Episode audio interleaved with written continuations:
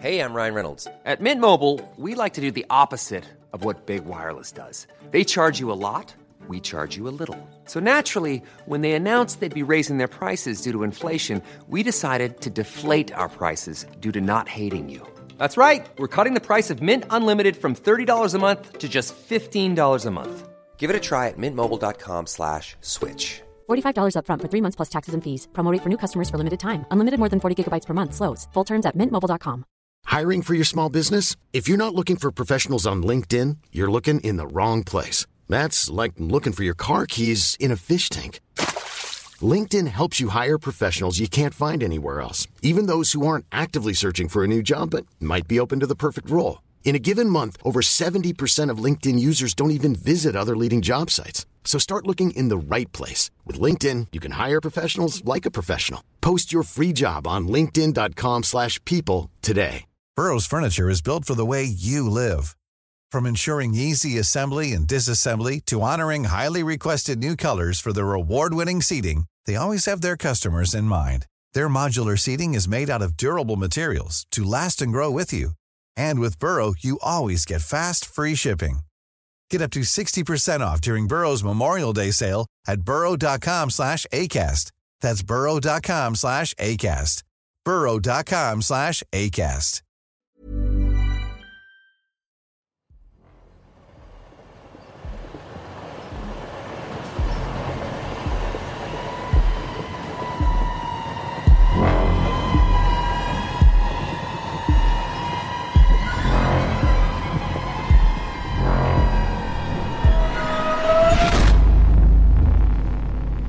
Välkommen till Midnattståget. Din podcast om creepypastor och spökhistorier från internet. Jag hoppas att du sitter bekvämt, för ikväll har vi tre stopp på vår resa. Idag ska vi utforska historier om varelser som människor har stött på. Varelser som inte riktigt hör hemma i den här världen. Första berättelsen heter “Jag jobbar som yrkesmördare” och min senaste måltavla var inte mänsklig. Skriven av Mr Outlaw på Reddits forum No Sleep. Översatt och uppläst av mig.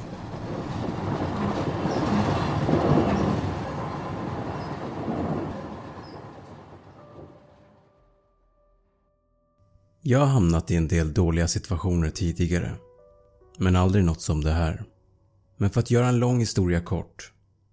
För ungefär två veckor sedan var jag nästan helt pank. Jag antar att efterfrågan på skumma yrkesmördare inte direkt var på topp men just då var jag redo att acceptera nästan vilket jobb som helst. Så länge det inte var allt för komplicerat. Som att försöka mörda statsministern eller något. Jag fick precis vad jag ville ha ungefär en vecka innan att jag höll på att vräkas från min lägenhet. 20 000 dollar. Måltavlan var en kille. Och så vitt jag kunde se så var det inget speciellt med honom.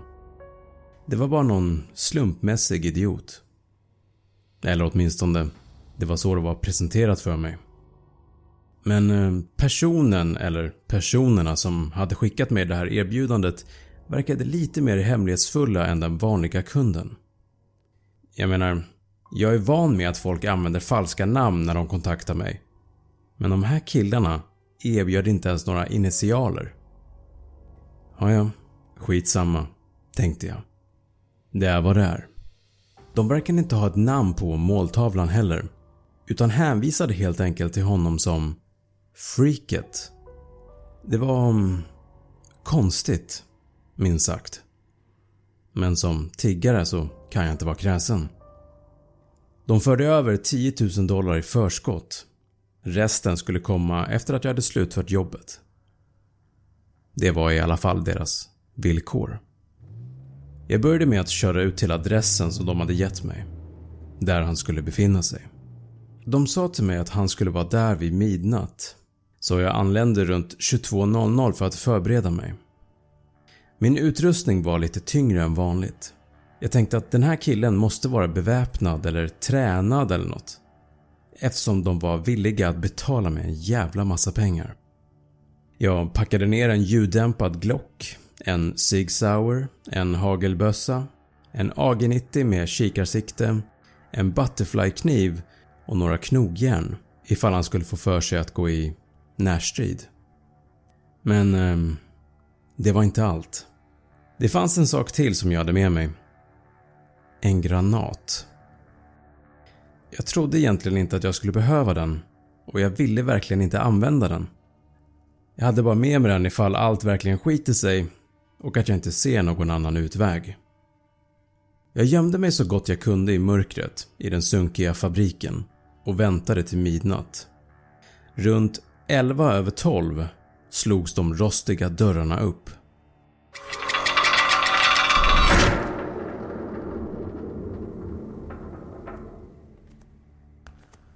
Jag tittade genom mitt sikte när en onormalt lång figur i en vindjacka och pösiga byxor bröt sig in. Utifrån den beskrivning som de hade gett mig var det här definitivt rätt person.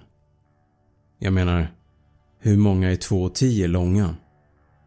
Ett problem var att han rörde sig alldeles för snabbt för att jag skulle kunna få till en bra träff. Och jag ville inte riskera att avslöja min position. Faktum är att han sprang. Varför vet jag inte. Dock verkade han vara obeväpnad så jag lät mig själv att slappna av lite. Jag tappade bort honom när han sprang in genom en dörr en bit bort till vänster om mig. Jag drog fram Glocken så tyst jag kunde och följde efter honom. Det var kolsvart där han hade gått in. Men jag hade planerat för det mesta. Jag drog på mig ett par nattkikare och började röra mig i hans riktning. Det verkade som att han hade lett in mig i någon sorts korridor. Men jag kunde inte se honom. Det var då den första märkliga tanken slog mig. Hur fan kunde han se någonting här inne? Mina funderingar avbröts kort när jag hörde ett gällt skrik någonstans i slutet av korridoren. Försiktigt smög jag mig dit och försökte lyssna var ljudet kom någonstans ifrån. Skriket kom definitivt från ett rum till vänster. När jag var ungefär halvvägs dit slutade det plötsligt. Jag stannade till. Vad i helvete? Det var i det ögonblicket som en kropp kom flygande från rummet. Jag var nära att skrika rakt ut i chock men lyckades behärska mig. Jag såg hur det som verkade vara en man i 20-årsåldern slog i väggen precis framför mig och studsade av den med ansiktet före rakt ner i det hårda betonggolvet. Dunset gav ifrån sig ett äckligt klafsande ljud när han studsade mot golvet.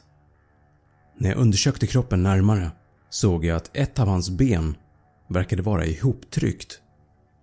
Som om självaste Terminator hade tagit tag i det och klämt ihop det.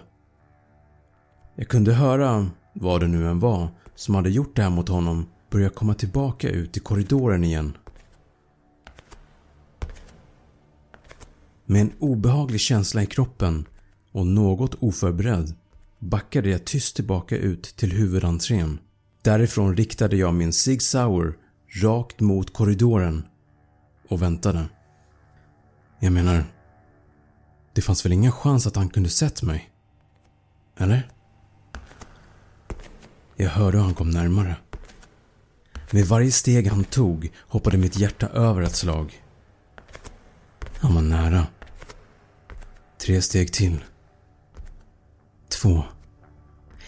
Så snart han kom in inom min synvinkel så tömde jag hela magasinet. Min träffsäkerhet har alltid varit ganska bra så jag skulle säga att mer än hälften träffade. Men han stod fortfarande kvar. Och inte bara det. Han reagerade knappt. Det var då jag fick en närmare titt på hans ansikte. Allt jag kan säga är Ingen ser ut sådär. Faktum är att ingenting borde se ut som det jag stirrade på i den mörka korridoren. Hans ansikte var obegripligt. Inte som en demon eller mutant som du ser på film. Det här var något som den mänskliga hjärnan inte var menad att se. Det hörde inte hemma i vår existens. Varelsens ögon ändrade sig ständigt. Eller förvandlades om man så vill. Det var som att de två irisarna båda delade en stor tom pupill. Munnen, om man nu kunde kalla det så, var vriden till ett leende som verkade sträcka sig runt hela huvudet. Inte bara från öra till öra. Det var de enda urskiljbara dragen. Resten av huden i ansiktet verkade ständigt förändras. Ibland var den slät och ibland såg det ut som att hundratals små maskar kröp under den.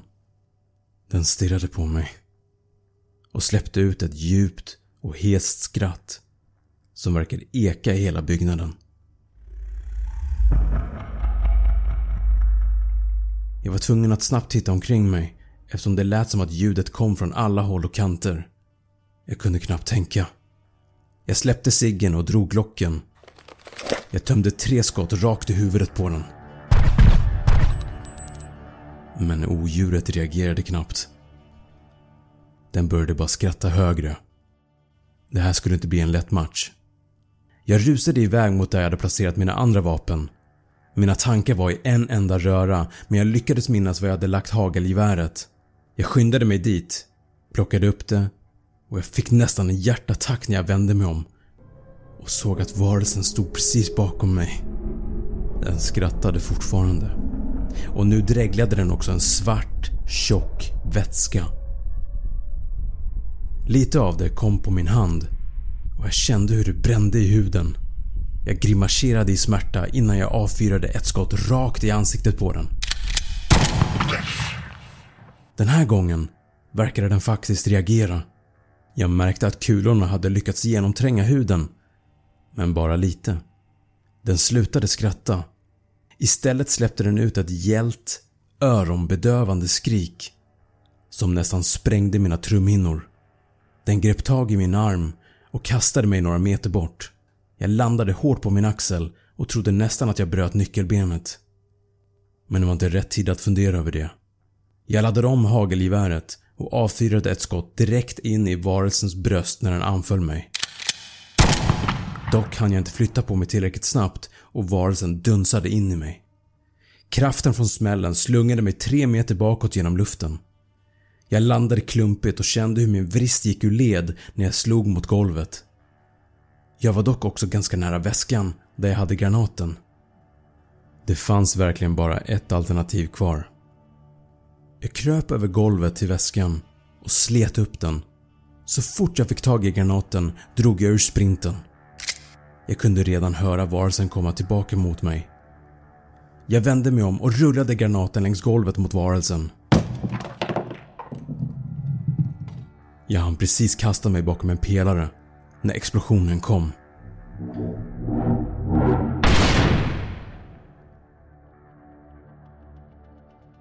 Den gav ifrån sig ett ljud som jag nog aldrig kommer att glömma. Det var inte bara ett skrik. Inte bara ett rytande. Det var som att all luft omkring mig sögs in i varelsens jättelika mun och förvrängdes till någon form av övernaturligt vrål.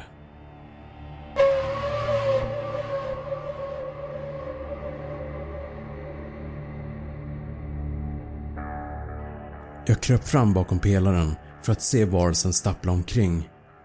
Den saknade ett ben nu. Men istället för att ett skelett stack ut där var det istället någon form av mörkt glänsande utskott som slingrade sig ur dess avskurna lem. Det är nu eller aldrig. Jag tömde resten av hagelgevärets patroner i varelsens huvud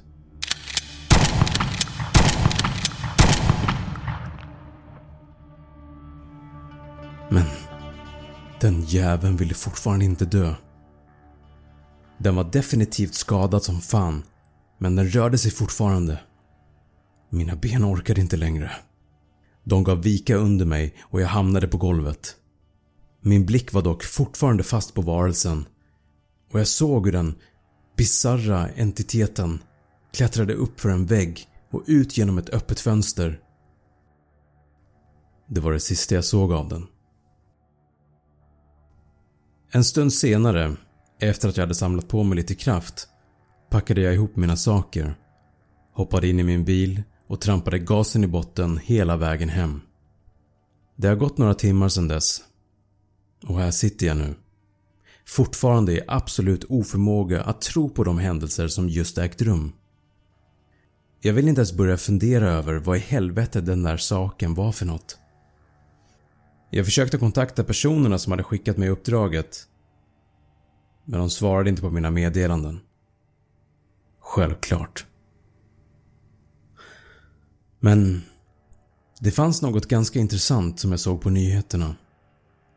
Det var ett inslag om ett mord som ägt rum i en övergiven fabrik.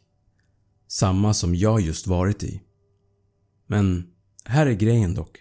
Personen som jag såg bli krossad mot en vägg var faktiskt en efterlyst yrkesmördare från ett lokalt kriminellt gäng.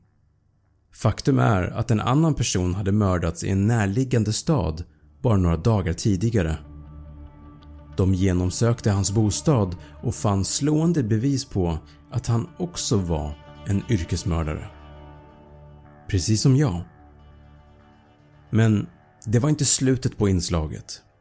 Fem torpeder, eller kriminella yrkesmördare, hade blivit mördade bara den här månaden. Alla i samma region som jag befann mig i. Myndigheterna misstänkte att de här morden måste vara sammankopplade på något vis. Jag minns att jag hörde om dem i några dark web-kretsar för några veckor sedan. Men jag tänkte inte mer på det. Jag antog att de bara var inkompetenta. Jag tittade också på en presskonferens med polisen där en journalist frågade om det här kanske var en ensam varg som försökte spela hjälte. Nej, svarade polismannen. Sättet som de här männen har dödats på indikerar att vi har något annat framför oss. Det är för brutalt. Som ett verk av en totalt ostabil psykopat. Hmm. Den där saken lever fortfarande. Och om den kommer efter mig igen kommer jag nog inte ha sån tur. Jag borde kanske anlita någon annan för att försöka döda den. Det är värt ett försök.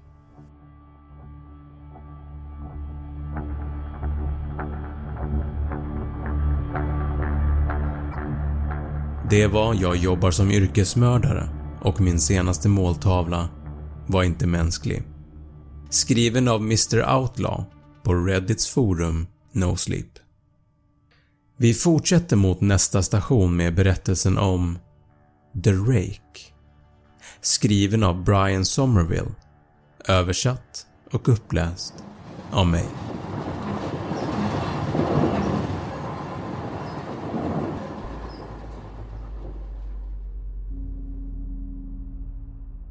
Under sommaren 2003 inträffade några onormala händelser i nordöstra USA som involverade en underlig, människolik varelse. Det här fångade kortvarigt lokalmedias intresse innan det tycktes som att rapporteringen tystades ner. Minimal information finns kvar eftersom de digitala och skrivna berättelserna om varelsen mystiskt försvann. De flesta händelserna ska ha skett ute på landsbygden i delstaten New York och vittnesmål kom även från Idaho. De som påstod sig ha mött varelsen berättade om sina upplevelser och alla beskrev den som något de aldrig sett förut. Känslorna varierade från extrem skräck till obehag till en nästan barnslig nyfikenhet. Även om de publicerade versionerna inte längre finns tillgängliga var minnena starka. Flera inblandade personer började söka efter svar samma år. Tidigt 2006 hade ett samarbete samlat in nästan två dussin dokument från så långt bak som 1100-talet fram till nutid från fyra olika kontinenter. I nästan varje fall var berättelserna identiska. Jag lyckades få tag i en medlem av den här gruppen som tog fram informationen och har nu fått ta del av några utdrag från deras kommande bok. Och jag tänkte läsa några av dem nu. Första utdraget är från ett självmordsbrev från 1964 hittat inuti en träask. Nu när jag förbereder mig att ta mitt liv känner jag att jag måste lätta på den skuld eller smärta som jag orsakat genom detta. Detta är ingen annans fel. Endast han bär skulden. En dag vaknade jag och kände hans närvaro. En annan dag vaknade jag och såg hans gestalt. Och en annan dag vaknade jag och hörde hans röst och såg in i hans ögon. Jag kan inte sova av rädslan för vad jag kan vakna upp till nästa gång. Jag vill aldrig vakna igen. Farväl. I samma träask hittades två tomma kuvert adresserade till William och Rose samt ett personligt brev utan kuvert. Kära Linny. Jag har bett för dig. Han nämnde ditt namn. Andra utdraget är från en dagboksanteckning översatt från spanska år 1880. Jag upplevt den största skräcken. Jag ser hans ögon när jag stänger mina. De är ihåliga. Svarta. De såg mig och blicken genomborrade mig. Hans blöta hand. Jag kommer inte att kunna sova. Hans röst. Tredje utdraget är från en sjömanslogg år 1691. Han kom till mig medan jag sov. Från fotänden av min säng kände jag en obehaglig närvaro. Han tog allt. Vi måste återvända till England. Vi kommer inte att återvända hit igen. På The Rakes begäran. Fjärde utdraget kommer från ett vittne år 2006. För tre år sedan kom jag precis tillbaka från en resa med min familj under den 4 juli. Vi var alla mycket trötta efter en lång dags körning så min man och jag la barnen i sina sängar och sen gick vi och la oss direkt efter. Runt fyra på morgonen vaknade jag och trodde att min man hade gått upp för att gå på toaletten. Jag passade på att dra till mig täcket, men jag råkade väcka honom i processen. Jag bad om ursäkt och sa att jag trodde att han hade gått upp. När han vände sig emot mig flämtade han till och drog snabbt upp sina fötter. Så snabbt att hans knän nästan knuffade mig ur sängen.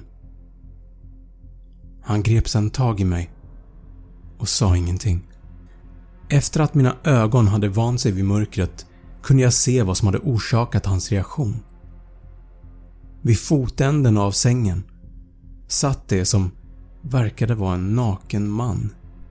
Eller någon form av stor hårlös hund. Kroppsställningen den hade var konstig och onaturlig. Som om den hade blivit påkörd av en bil. Av någon anledning så var jag inte så rädd för den just då. Jag var mer bekymrad över dess tillstånd. Jag antog att vi behövde hjälpa den. Min man tittade över sin arm, ihopgurad i fosterställning. Ibland tittade han på mig, innan han återgick till att titta på varelsen. Plötsligt rörde sig varelsen snabbt runt sängen och kröp sedan längs sängen tills den var bara några centimeter från min mans ansikte. Den var helt tyst i ungefär 30 sekunder. Eller kanske närmare 5 sekunder, men det kändes som en evighet. Medan den bara tittade på min man. Sen vände varelsen på sig och sprang ut i korridoren. Mot barnens rum. Jag skrek och sprang för att tända ljuset. Hoppades på att jag skulle stoppa den innan den skadade mina barn. När jag nådde korridoren var ljuset från sovrummet tillräckligt för att se den sitta på huk några meter bort. Ryggen var böjd och ihopsjunken. Den vände sig om och tittade rakt på mig. Jag tände ljuset i hallen och såg min dotter Klara täckt av blod.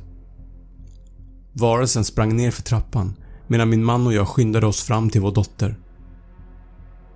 Hon var svårt skadad och vi båda hörde hennes sista ord. Hon sa Han är The Rake. Min man var med om en olycka samma kväll när han skulle köra henne till sjukhuset. Han fick sladd med bilen och körde rätt ner i en sjö. De överlevde inte. Eftersom vi bodde i en liten stad spreds nyheterna snabbt. Polisen var hjälpsam till en början och den lokala tidningen var också mycket intresserad. Men historien publicerades aldrig och den lokala TV-stationen följde aldrig upp den. I flera månader bodde min son Justin och jag på ett hotell nära mina föräldrars hus. När vi bestämde oss för att återvända hem började jag att leta efter svar själv. Till slut hittade jag en man i en närliggande stad som hade en liknande berättelse. Vi kom i kontakt och började dela med oss av våra upplevelser. Han kände till två andra personer i New York som hade sett varelsen som vi nu kallade för The Rake. Det tog oss fyra nästan två år av intensivt sökande på internet och brevskrivande för att få fram en liten samling av vad vi tror är berättelser om The Rake. Ingen av dem gav några specifika detaljer, någon bakgrund eller någon klarhet. En dagbok hade en anteckning om varelsen på sina tre första sidor, men nämnde den aldrig igen. En skeppslogg förklarade ingenting om själva mötet. Det stod bara att de blev tillsagda av The Rake att lämna platsen. Det var den sista anteckningen i loggen. Det fanns dock många fall där varelsens besök var ett i en serie av besök hos samma person. Flera personer nämnde också att The Rake hade talat till dem. Inklusive min dotter. Det fick oss att undra om The Rake hade besökt någon av oss innan vårt senaste möte med den. Jag satte upp en digital inspelare nära min säng och lät den spela in ljud hela natten. Varje natt i två veckor. Jag lyssnade noggrant igenom ljuden av mig rullande i min säng varje dag när jag vaknade. I slutet av den andra veckan hade jag vant mig vid det tillfälliga sömnljudet men när jag snabbt lyssnade igenom inspelningen i åtta gånger normal hastighet. Det tog fortfarande nästan en timme varje dag. På första dagen av den tredje veckan trodde jag att jag hörde något annorlunda. Vad jag hörde var en röst. Det var The Rake. Jag kan inte lyssna på det tillräckligt länge för att ens börja transkribera det. Jag har inte låtit någon annan lyssna på det än. Allt jag vet är att jag har hört rösten förut. Och jag tror nu att den talade när den satt framför min man. Jag kommer inte ihåg att jag hörde något då. Men av någon anledning tar rösten på inspelningen mig tillbaka till det ögonblicket. Jag undrar vad min dotter tänkte när hon hörde hans röst. Jag har inte sett Drake sedan han förstörde mitt liv men jag vet att han har varit i mitt rum medan jag sov. Jag fruktar natten då jag kommer vakna och se honom stirra på mig.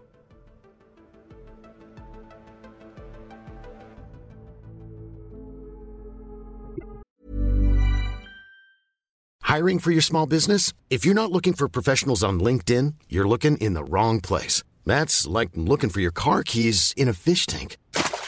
LinkedIn helps you hire professionals you can't find anywhere else, even those who aren't actively searching for a new job but might be open to the perfect role. In a given month, over 70% of LinkedIn users don't even visit other leading job sites. So start looking in the right place. With LinkedIn, you can hire professionals like a professional. Post your free job on linkedin.com slash people today.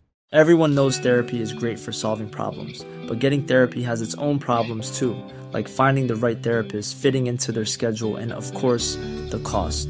Well, BetterHelp can solve those problems. It's totally online and built around your schedule. It's surprisingly affordable too. Connect with a credentialed therapist by phone, video, or online chat, all from the comfort of your home. Visit betterhelp.com to learn more and save 10% on your first month. That's BetterHelp, H E L P.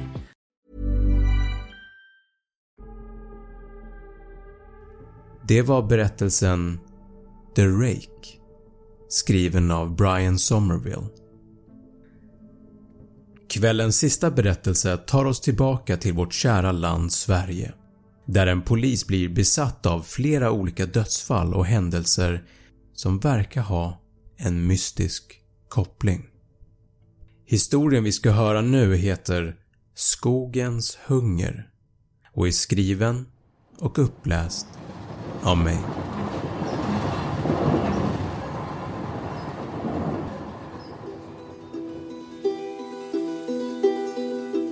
Den 6 juli 2014 Jag tror inte jag har mycket tid kvar. När jag började som polis för över ett decennium sedan hade jag aldrig kunnat föreställa mig att jag skulle stöta på något så skrämmande och obegripligt som det här. Jag har samlat på mig flera rapporter, alla med en liknande berättelse. Mina chefer tror mig inte, men jag är säker. Det finns en koppling. Jag bara vet det. Även om jag inte kan bevisa det fullt ut. Jag vill börja med att säga att jag alltid varit en rationell person. Tränad att följa fakta, att söka svar genom bevis och logik. Det är därför jag blev polis. Övernaturliga berättelser om skogsväsen eller andra typer av sagor har varit just det för mig. Sagor. Sagor som berättas runt lägerelden eller som godnattsagor till barn. Men nu vet jag inte riktigt vad jag ska tro längre. Det går inte att förneka att något sker i de här skogarna. Något som är bortom min förståelse. Bortom all logik. Men det jag vet är att människor är rädda. De är traumatiserade. Och de behöver svar. Och jag, med all min skepticism, kan inte längre blunda för det som sker runt mig. Jag vill att ni ska veta hur jag började att märka det. Hur pusselbitarna började att falla på plats. Det här är offentliga uppgifter. Men ingen verkar ha sett kopplingen. Nedan har jag bifogat tre stycken polisrapporter. Läs dem så får ni avgöra själva. Jag kan bara förmedla informationen. Vad ni gör med den är upp till er. Första polisrapporten 5 januari 1980 Lägenhet Centrala Lund Vid ankomst till platsen fann vi en ung kvinna, cirka 23 år gammal, avliden på sitt vardagsrumsgolv. Hela rummet var fyllt med sönderslagna och utgrävda blomkrukor. Jorden var utspridd överallt i lägenheten och även kvinnan var täckt av den. Kvinnans mun, som var full av mörk jord, var vidöppen. När kroppen obducerades fann man jord inuti kvinnans magsäck, tarmar och matstrupe. Dödsorsaken var kvävning. Andra polisrapporten 29 augusti 1983 Ett skogsområde nära Umeå. En jägare hittades av sina kollegor sittandes vid ett träd. Död. Vid sidan av honom låg en ammunitionslåda som var tom. Hans vapen hade inte avfyrats och mannen hade inga sår eller skador. Han var svart runt munnen och vid en närmare undersökning var den svarta substansen runt munnen krut. Vid obduktionen upptäcktes det att hans magsäck var full av gevärspatroner. Den tredje polisrapporten 7 juni 1984 Ett bostadshus i Värmland. En äldre man hittades avliden i sitt hus av en nära släkting. Mannen hade skärsår överallt på sina händer, ansikte och hals. Hela rummet var täckt av blod och alla skåp i köket var öppna. Runt kroppen hittade man flera trasiga dryckesglas. Mannen hade tuggat på glasbitarna till den grad att hans tänder hade nötts ner till tandköttet. Glasbitar stack ut genom kinderna på mannen och hela munnen var fylld med krossat glas. Vid obduktionen kunde man bekräfta att det var självförvållat. Han hade tuggat sönder glasen själv med sina egna tänder och svalt bitarna. Glas kunde även hittas i mannens svalg och i magsäcken. Börjar ni att se en koppling? Vad är det som får folk att göra såna här fruktansvärda saker mot sig själva? Att äta jord tills man kvävs. Att svälja gevärskulor. Att äta glas. Vad är syftet? Mina chefer och kollegor har som sagt avfärdat det som slumpmässiga incidenter eller enskilda mentala sammanbrott. Men jag kunde inte låta bli att känna att det var något mer bakom det här. Jag har tappat räkningen på antalet gånger jag har argumenterat, kämpat och till och med bönfallit dem att ta de här incidenterna på allvar och försöka se en koppling mellan dem. Men de bara kollar på mig som jag vore galen. Jag blev besatt av fallen. Under den senaste veckan har jag letat fram fler rapporter där människor har dött genom förtäring av oätliga föremål. Hittills har jag fått fram 36 fall. Av en slump råkade jag hitta flera rapporter som inte handlade om dödsfall men som istället handlade om olika typer av vittnesmål där olika personer hade stött på någonting i skogen som de inte kan förklara. Jag har bifogat dem nedan. 21 februari 1985 En landsväg nära Östersund. En kvinna rapporterade att när hon körde sin bil sent på kvällen såg hon en lång, smal varelse stå vid sidan av vägen. Den hade en kraftigt uppblåst mage och mörka svarta ögon som betraktade henne när hon passerade. Hon trodde först att det var en älg. Men ingen älg har den kroppsformen som kvinnan beskriver. 12 juli 1987 Skogsområde nära Linköping. En kvinna berättade att hon var ute och joggade på kvällen när hon plötsligt kände en stark, obehaglig lukt. Hon tittade bakom sig och såg en silhuett av något stort som följde efter henne. Hon ökade takten och sprang snabbare och lyckades att komma undan. Den 5 september 1988 Bensinmack i Karlstad Polisen blev tillkallad till en bensinmack efter rapporter om ett pågående sabotage. En man hade stormat in i butiken och börjat riva upp olika varor och åt allt han kunde få tag på. Han verkade vara i ett maniskt tillstånd och märkte knappt när polisen grep honom. Under förhöret upprepade han ständigt hur hungrig han var och verkade distraherad av allting runt honom. Precis som att han ville äta det han såg. När jag gick igenom de här rapporterna kunde jag inte skaka av mig känslan att det är något som förbinder dem varje vittne beskriver en sorts närvaro i skogen, en känsla av att bli iakttagen och dödsfallen verkar visa tydliga tecken på en oförklarlig hunger. En hunger så stark att den driver dem att göra ofattbara saker mot sig själva. Jag har försökt att förklara det med allt ifrån masshysteri till giftiga växter som orsakar hallucinationer. Men inget av det här stämmer helt överens med den fakta som finns i rapporterna. Hur botar man en hunger som inte verkar gå att mätta? Jag spenderade en hel natt med att bara läsa om gammal svensk folktro om olika typer av väsen. Jag kom snabbt in på Näcken. Ett övernaturligt väsen som håller till i älvar och sjöar.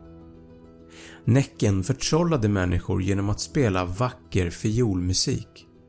De nyfikna människorna följde ljudet till vattnet där Näcken befann sig och kom man tillräckligt nära försökte Näcken att dränka dem i vattnet. Ett annat väsen var skogsrået. En varelse som framställde sig som en vacker kvinna som förförde ensamma vandrare i skogen. Hennes skönhet var oemotståndlig. I alla fall framifrån. Såg man henne bakifrån kunde man se att hon hade en ihålig rygg. Som ett gammalt träd. Men varken Näcken eller skogsrået stämde överens om de beskrivningar som rapporterna hade gett. Varelsen jag sökte var lång med smala ben och armar men med en uppblåst mage. Jag kunde inte hitta någon sån varelse.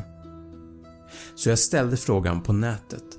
Jag gick in på Reddit under deras forum för det paranormala och beskrev det jag sökte efter.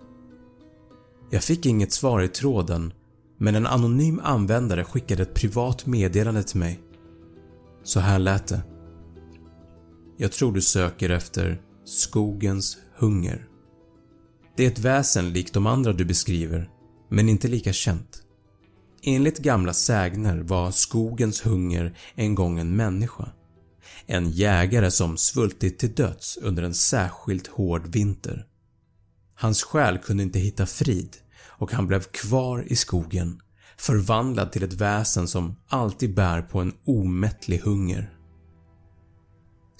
De som skogens hunger rör vid börjar känna en oemotståndlig vilja att fylla den tomma hungern inom sig. De blir som förtrollade och tappar all kontroll. Människor som har sagt att de har mött skogens hunger men klarat sig undan beskriver den som en skugga som rör sig bland träden. Den visar sig bara då och då. Ser man dess fulla skepnad är man oftast illa ute. För då har den bestämt sig för att ta dig. Andra har hört viskningar eller ett lågt lockande mumlande när de vandrat ensamma i skogen. Var försiktig om du beslutar dig att söka vidare. Det finns historier om människor som har jagat efter skogens hunger endast för att aldrig återvända. Det enda jag kan säga är att skogens hunger återvänder ofta till de platser han en gång har besökt. Om en händelse har skett nyligen på en viss plats, då kanske du har tur att se honom. Eller otur. Jag har som sagt varnat dig. Jag önskar att det här meddelandet hade avskräckt mig från att fortsätta söka efter mer information. Men det gjorde det inte. Det fanns inte tid för det. Återigen dök jag ner i polisarkiven och letade efter något som skett nyligen. Mitt hjärta slog så hårt i bröstet att jag trodde att jag skulle väcka min fru som låg och sov i rummet bredvid. Men min besatthet gav resultat och jag hittade följande rapport. En jägare hade hittats utanför skogsbrynet på Gålö i Haninge kommun. Fortfarande vid liv men helt desorienterad. Hans blick var tom. Han var blodig på händerna och runt munnen. Och bredvid honom låg hans jakthund. Halvt uppäten. Det här skedde för en vecka sedan. Det är min enda chans. Jag packade snabbt min väska, satte mig i bilen och körde direkt till den angivna platsen i rapporten. Skogen kändes tät och ogästvänlig men jag var fast besluten. Solen höll på att gå ner så jag tände min ficklampa och följde min GPS på mobilen till platsen. En bit bort från där mannen hade hittats låg det en gammal jaktstuga. Eller det som var kvar av jaktstugan. Halva saknades. Det såg ut som att någon hade försökt att elda upp den. Mörka skuggor kastades över husets trasiga struktur när jag lyste runt med ficklampan. Jag tvekade ett ögonblick innan jag fortsatte framåt. Med varje steg krasade det brända träet under mig. När jag rörde mig genom huset uppmärksammade jag hur tyst det blev runt mig. Jag minns att jag inte kunde höra några fåglar eller insekter eller ens ljudet från löv som prasslade. Då kände jag plötsligt en iskall smärta i nacken. Reflexmässigt rörde jag handen till nacken och försökte vända mig om. Men jag snubblade över en gammal nedfallen balk och föll rätt ner på marken. Och där, sträckt mot mig, var en ovanligt lång och smal arm. Skinnet var grått och nästan genomskinligt ådrorna synliga under den tunna huden. Men det var inte armen som fångade min totala uppmärksamhet. Bakom några trasiga plankor tittade något fram. Två svarta ögon betraktade mig noggrant. Den reste sig upp, långsamt. Jag kunde se hela varelsen framför mig och längden översteg allt jag någonsin sett. Det var som att titta på en gigantisk skugga som tog form. Lång och förvriden. Den där uppsvällda magen. Hade den suttit där och väntat på mig? Innan jag kunde reagera eller ens skrika blev allt mörkt. Jag vet inte hur länge jag låg där, men när jag vaknade igen var skogen tyst. Huset var tomt och solen höll på att gå upp. Jag vet inte om jag drömt allting.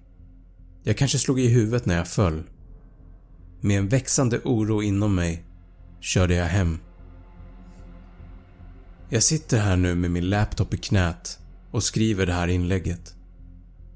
Mitt letande efter att få ett stopp på det här har tyvärr varit lönlöst.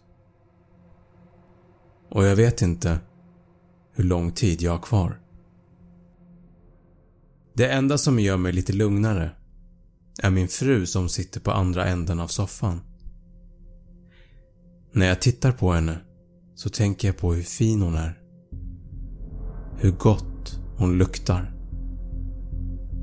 Hur gott hon skulle smaka.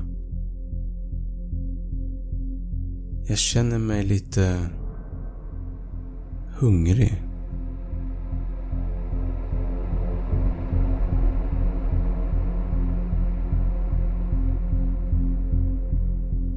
Det var Skogens hunger. Skriven och uppläst av mig. Och med den berättelsen har vi nått slutstationen för den här gången.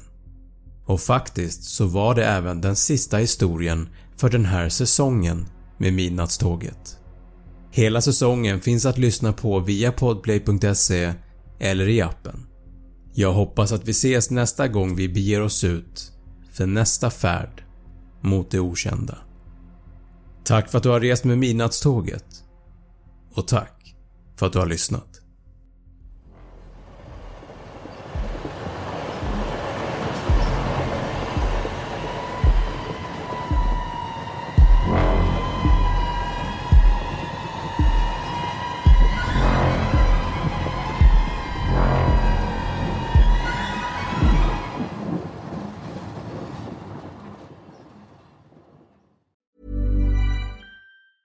Planning for your next trip? Elevate your travel style with Quince. Quince has all the jet setting essentials you'll want for your next getaway, like European linen, premium luggage options, buttery soft Italian leather bags, and so much more. And is all priced at 50 to 80% less than similar brands. Plus, Quince only works with factories that use safe and ethical manufacturing practices.